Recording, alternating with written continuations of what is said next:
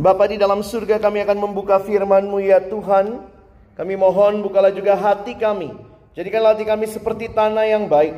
Supaya ketika benih firman Tuhan ditaburkan. Boleh sungguh-sungguh berakar, bertumbuh. Dan juga berbuah nyata di dalam kehidupan kami. Berkati hambamu yang menyampaikan dan setiap kami yang mendengar. Tuhan tolonglah kami semua. Agar kami bukan hanya menjadi pendengar firman yang setia tapi mampukan dengan kuasa dari rohmu yang kudus, kami dimampukan menjadi pelaku-pelaku firman-Mu di dalam hidup kami. Bersabdalah ya Tuhan, kami sedia mendengarnya dalam satu nama yang kudus, nama yang berkuasa, nama Tuhan kami Yesus Kristus. Kami menyerahkan pemberitaan firman-Mu. Amin. Shalom. Selamat siang Bapak Ibu Saudara yang dikasihi Tuhan Yesus Kristus. Kita bersyukur kesempatan ini bukan sekedar rutinitas tapi waktu kita kembali bersama-sama boleh memuji Tuhan dan disegarkan juga melalui firman-Nya. Nah, hari ini kita akan bicara tentang semangat. Dan di dalam Alkitab sebenarnya ada istilah lain yang jauh lebih mendasar daripada sekedar berbicara tentang semangat. Karena itu saya ingin mengajak kita untuk nanti melihat satu bagian firman Tuhan. Kita buka dulu Amsal 17 pasal 17 ayat yang ke-22. Amsal 17 ayat yang ke-22. Mari kita baca ayat ini bersama-sama. Satu, dua, ya. Hati yang gembira adalah obat yang manjur, tetapi semangat yang patah mengeringkan tulang. Bicara semangat diparalelkan di sini dengan gembira dan ada satu bagian lagi yang disebutkan di Alkitab kata yang lebih mendasar adalah kata suka cita. Dan ini unik sekali khas Kristen kalau kita boleh lihat di tengah-tengah kita membandingkan dengan berbagai konsep yang muncul. Nah, saudara, bicara tentang sukacita, boleh tanya, kalau Bapak Ibu dengar kata sukacita, apa yang terbayangkan? Sukacita itu di mana? Kalau dengar kata sukacita, apa yang muncul di benak kita? Apa? -apa? Bahagia? Yang lain? Senang? Dapat apa Pak? Premi? Dapat premi? Pernahkah kita membayangkan ketika bicara sukacita yang muncul adalah kata penjara? Di Alkitab kita lebih kurang 150 kali kata sukacita muncul. Di Perjanjian Baru Kata sukacita paling banyak muncul di, in, di dalam surat Paulus kepada jemaat di Filipi. Surat Paulus kepada jemaat di Filipi hanya empat pasal, ada kurang lebih 16 kali Paulus menggunakan istilah sukacita, bersukacitalah. Dan realitanya, surat Filipi Paulus tulis dari dalam penjara. Karena itu ada hal yang lebih mendasar daripada sekedar bicara kesukaan, kesenangan, bahagia, tapi sukacita di dalam Alkitab bagi saya ini adalah satu dasar yang sangat luar biasa waktu kita mau bicara tentang semangat. Kalau Bapak Ibu semangat karena ada imbalan saja, tentunya itu pasti bikin semangat ya. Maka mungkin bukan itu semangat yang sesungguhnya. Kalau kita hanya bahagia karena suasananya bahagia, saya pikir kita bisa saja hanya terbawa suasana. Harusnya dalam kitab yang ditulis dari penjara. Mungkin bayangan kita isinya keluhan, rintihan, tapi surat yang singkat ini, empat pasal kitab Filipi, 16 kali kata sukacita. Karena itu saya ingin mengajak kita melihat sama-sama di dalam banyak buku-buku tentang sukacita, biasanya secara Kristiani ada yang mencoba membedakan antara sukacita dan kesenangan. Tentu yang mengkaitkan sukacita dan kesenangan biasanya mencoba membedakan. Kalau yang namanya kesenangan itu biasanya karena hal-hal yang sementara. Kesenangan sifatnya lebih eksternal. Ketika di luarnya baik semua, lalu saya ngerasanya baik.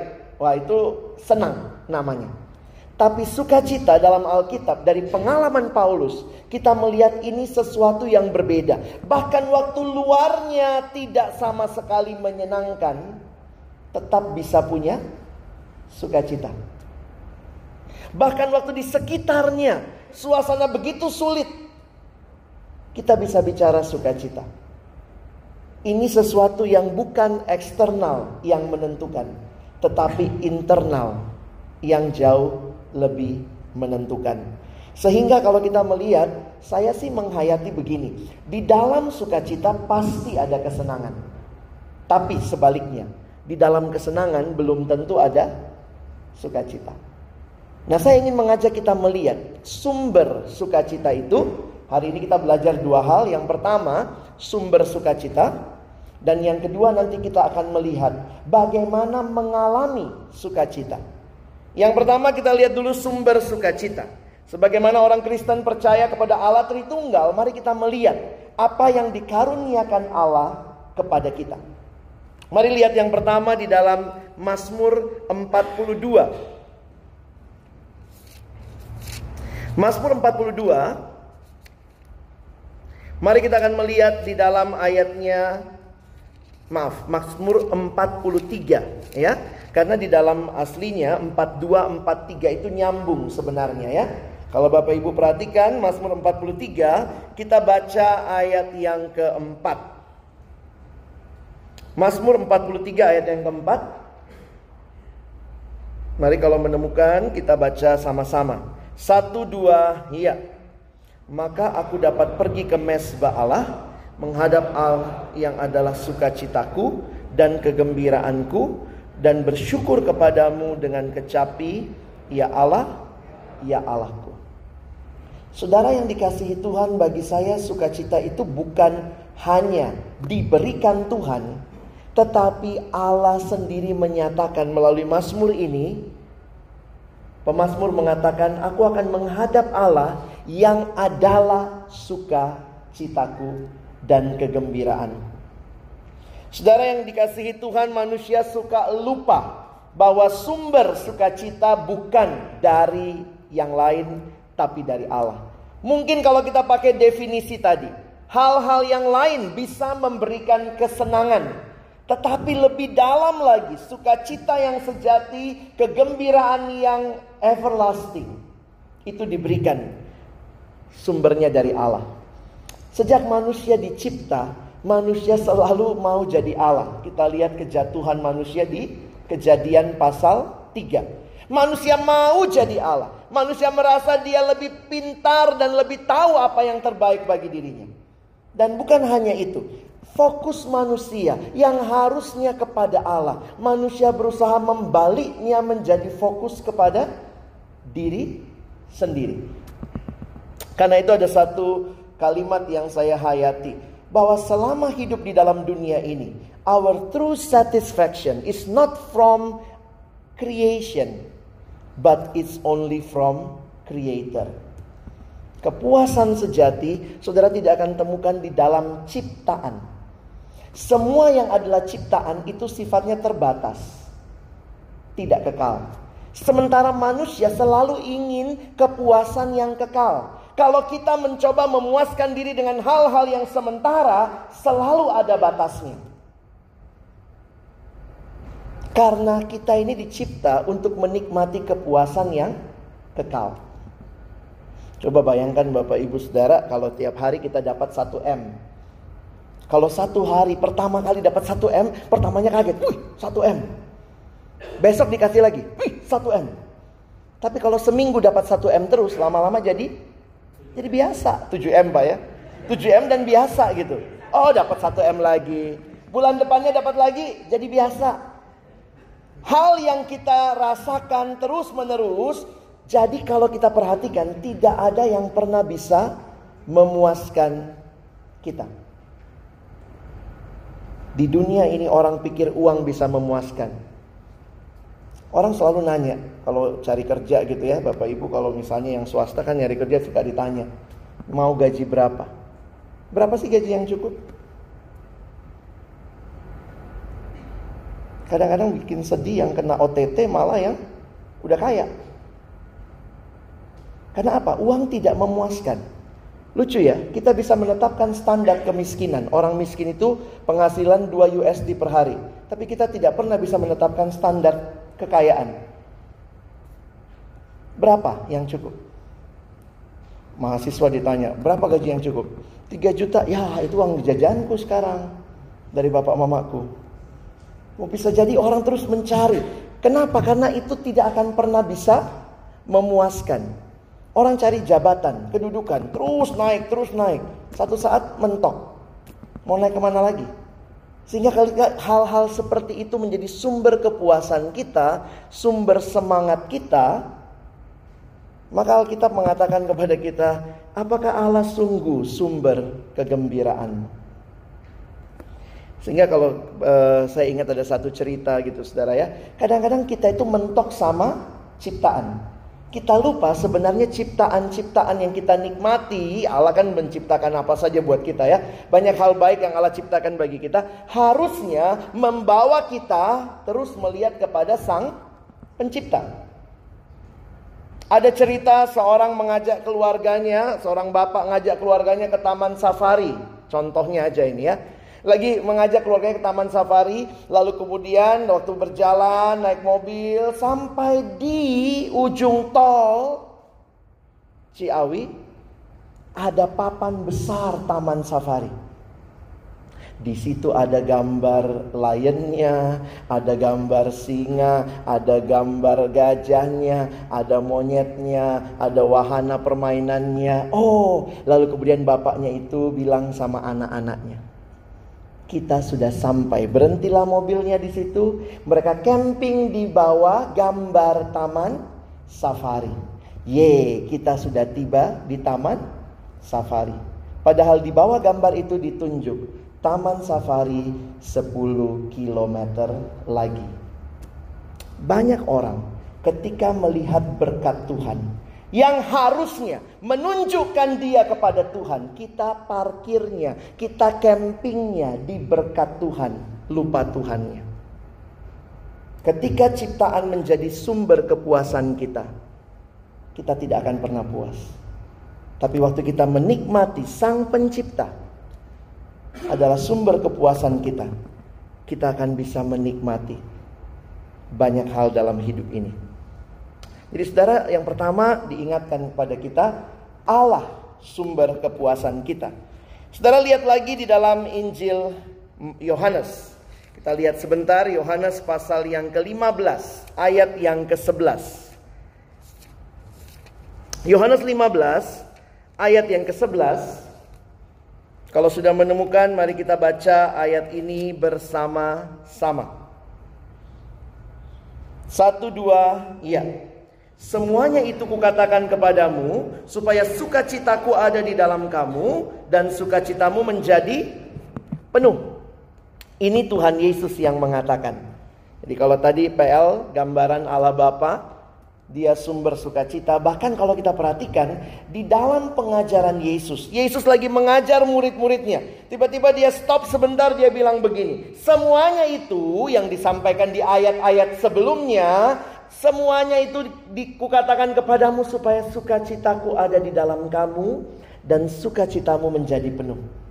Ternyata segala hal yang Tuhan sampaikan kepada kita di dalam firman-Nya bertujuan membawa kita hidup di dalam sukacita. Banyak orang berpikir di luar Tuhanlah sukacita. Kayaknya kalau pegang firman Tuhan kurang sukacita, itu mengekang kita. Tapi kalimat ini mengingatkan saya. Ternyata untuk Bapak Ibu dan Saudara saya mengalami sukacita semangat itu hidupi firman Tuhan. Satu pagi saya datang ke kantor, ada satu adik dalam pelayanan kami, dia seorang wanita, dia ngekos gitu ya, biasa anak gadis kos, belum menikah, lalu di kosannya itu pelihara ikan mas. Jadi ada akuarium dia kecil gitu ya. Di dalam kosannya pelihara ikan mas. Pagi-pagi dia datang sama saya. Abang, abang, saya mau cerita. Apa itu? Tadi malam bang, ikan mas saya bunuh diri.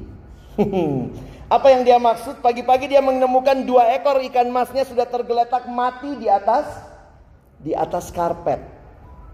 Jadi kan dia pelihara beberapa ikan mas, dua ekor ternyata sudah mati. Lalu kemudian kita bercanda-bercanda gitu ya, lagi bahas gitu. Lalu kemudian kita pikir, oh mungkin ini ikan yang nggak disetujui cintanya sama keluarga ya. Jadi dia lompat berdua. Tapi singkat cerita, akhirnya kami menemukan kebenaran ini. Ikan yang hidup paling butuh air. Coba pikir-pikir, kalau ada air di akuarium, mana lebih bebas? Ikan itu di dalam air atau di luar air?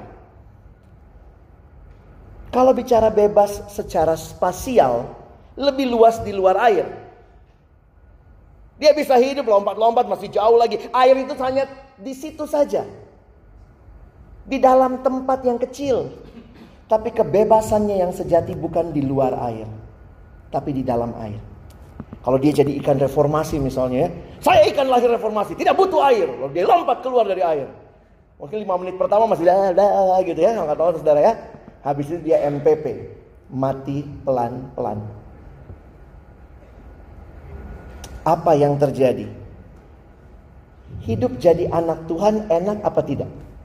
Saya suka tanya sama remaja, saya banyak di pelayanan remaja, saya tanya sama mereka, adik-adik, jadi anak Tuhan enak apa tidak?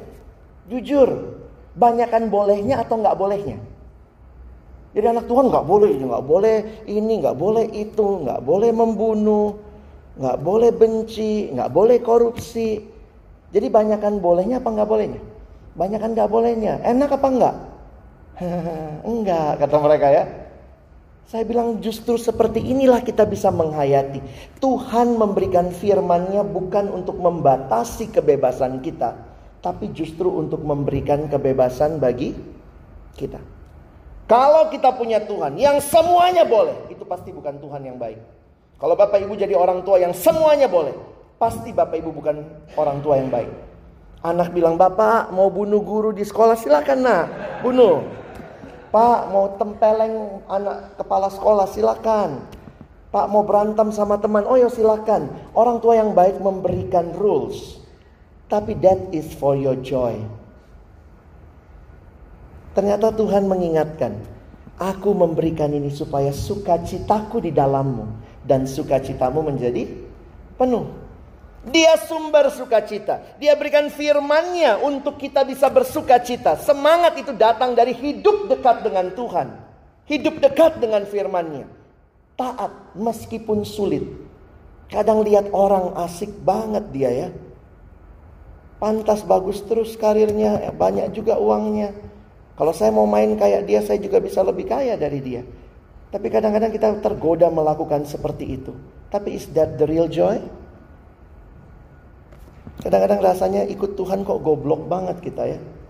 Ini nggak boleh, itu nggak boleh.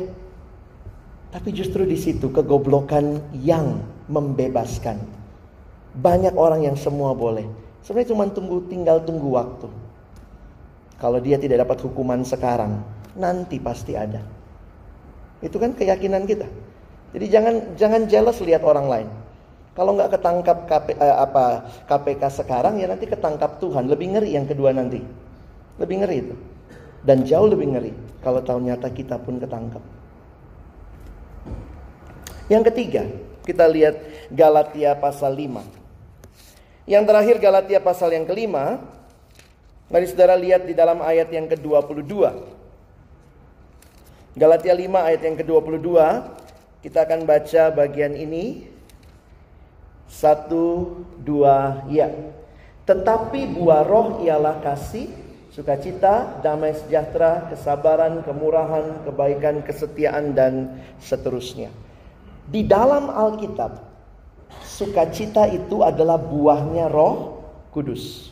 Bapa sumber sukacita. Yesus mau kita sukacita dan Roh Kudus hadir dalam hati kita dan buahnya adalah sukacita. Bapak Ibu perhatikan, kenapa dikatakan buah roh? Ini bukan buahnya kita sebagai orang yang oh ini buah saya, tetapi hanya ketika Roh Kudus diam di dalam kita, maka kita bisa menghasilkan buah roh sukacita. Sehingga kalimat ini menunjukkan kepada kita, kita bukan sumber sukacita. Itu adalah buah ketika Roh Kudus ada dan hadir di hati kita. Jadi Bapak Ibu Saudara sekalian, hari ini kita sudah melihat sumber sukacita yang sejati, sumber semangat yang sejati. Bagaimana kita bisa mengalaminya? Hanya kalau kita punya relasi yang dekat dengan Tuhan. Hidup yang dipimpin Tuhan.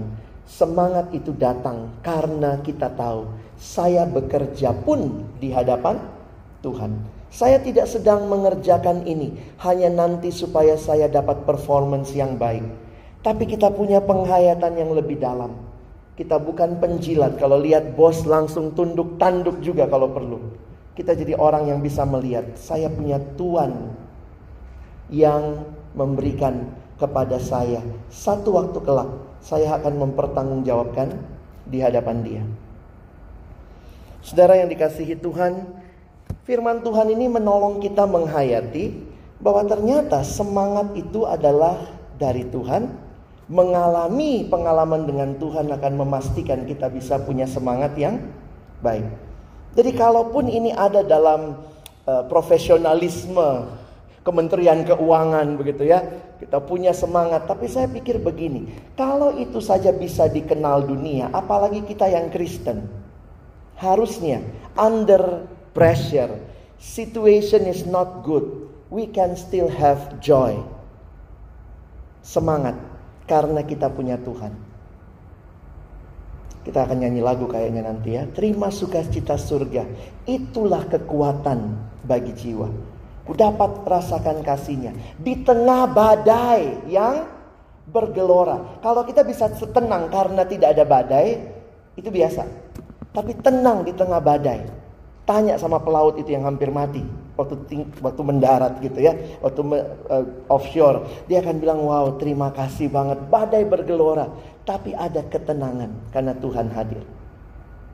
Dan yang terakhir sebagai bagian penutup, saya ingin ingatkan buat kita Bapak Ibu, coba lihat Galatia uh, sorry, Filipi 4 ayat 4. Ini ayat terkenal ya. Tadi kita tahu surat sukacita surat Filipi. Filipi 4 ayat yang keempat. Mari kita baca ayat ini sama-sama. Satu, dua, iya. Bersukacitalah senantiasa dalam Tuhan. Sekali lagi kukatakan, bersukacitalah. Ada satu buku yang belum lama ini saya baca dalam persiapan tentang tema sukacita, semangat ini. Buku ini bilang begitu, bilang begini ya. Allah bukan hanya mau kita bersukacita, tapi perhatikan, Allah memerintahkan kita bersuka cita. Ini bentuknya perintah. Jadi yang tidak melakukan tanda kutip dosa kan perintah. Kalau orang di kementerian kan ya siap, siap, jangan cuma siap, ini perintah. Ayo semua bilang siap. Gitu ya. Bersuka citalah. Seolah-olah Paulus merasa kamu kayaknya kurang kuat. Dia sampai dua kali tekankan. Bersuka citalah senantiasa dalam Tuhan. Harusnya berhenti di situ ya. Di bawahnya ditambahin lagi. Sekali lagi kukatakan, bersukacitalah. Ini bukan perintah Departemen Keuangan. Kementerian Keuangan yang memerintahkan saudara bersukacita dan bersemangat dalam hidup. Ini perintah raja di atas segala raja. Joy is not only a suggestion. Mbok ya sukacita. No, joy is a duty. But it is a happy duty. Alami semangat ini. Dan saudara akan melihat. Tuhan hadir dalam pekerjaanmu. Engkau bersaksi orang lain bisa melihat. Engkau beda. Karena engkau punya Tuhan. Amin. Mari kita berdoa. Tuhan terima kasih banyak buat firman-Mu. Di tengah-tengah dunia ini yang mungkin begitu menekan kami dengan berbagai situasi. Ada ketenangan yang dalam kami alami karena Engkau hadir dan tidak meninggalkan kami sukacita sejati kami karena kami punya Tuhan yang hidup di dalam diri kami. Tolong kami mengalaminya. Tolong kami mentaatinya karena ini perintah. Tolong kami dekat dengan Tuhan sebagai sumber sukacita kami. Biarlah melalui kehadiran Bapak Ibu saudara-saudaraku di tempat ini, pengikut Tuhan di Kementerian Keuangan di tempat ini, bea dan cukai melalui hidup mereka. Bukan cuma profesionalisme yang terlihat, tapi hidup sebagai murid Tuhan yang bersemangat di tengah-tengah segala pergumulan. Pergumulan hidup kami tidak mudah, pergumulan pekerjaan kami tidak mudah, tapi karena Engkau hadir, kami bisa tenang karena kami telah menerima sukacita sorga, semangat sorgawi. Kami bersyukur dalam nama Yesus, kami sudah berdoa. Amin.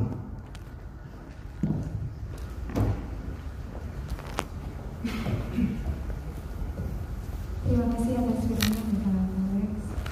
Um, kita semua bisa belajar karena kita ini sebenarnya sebagai lilin yang sembunyi adalah hati kita sendiri.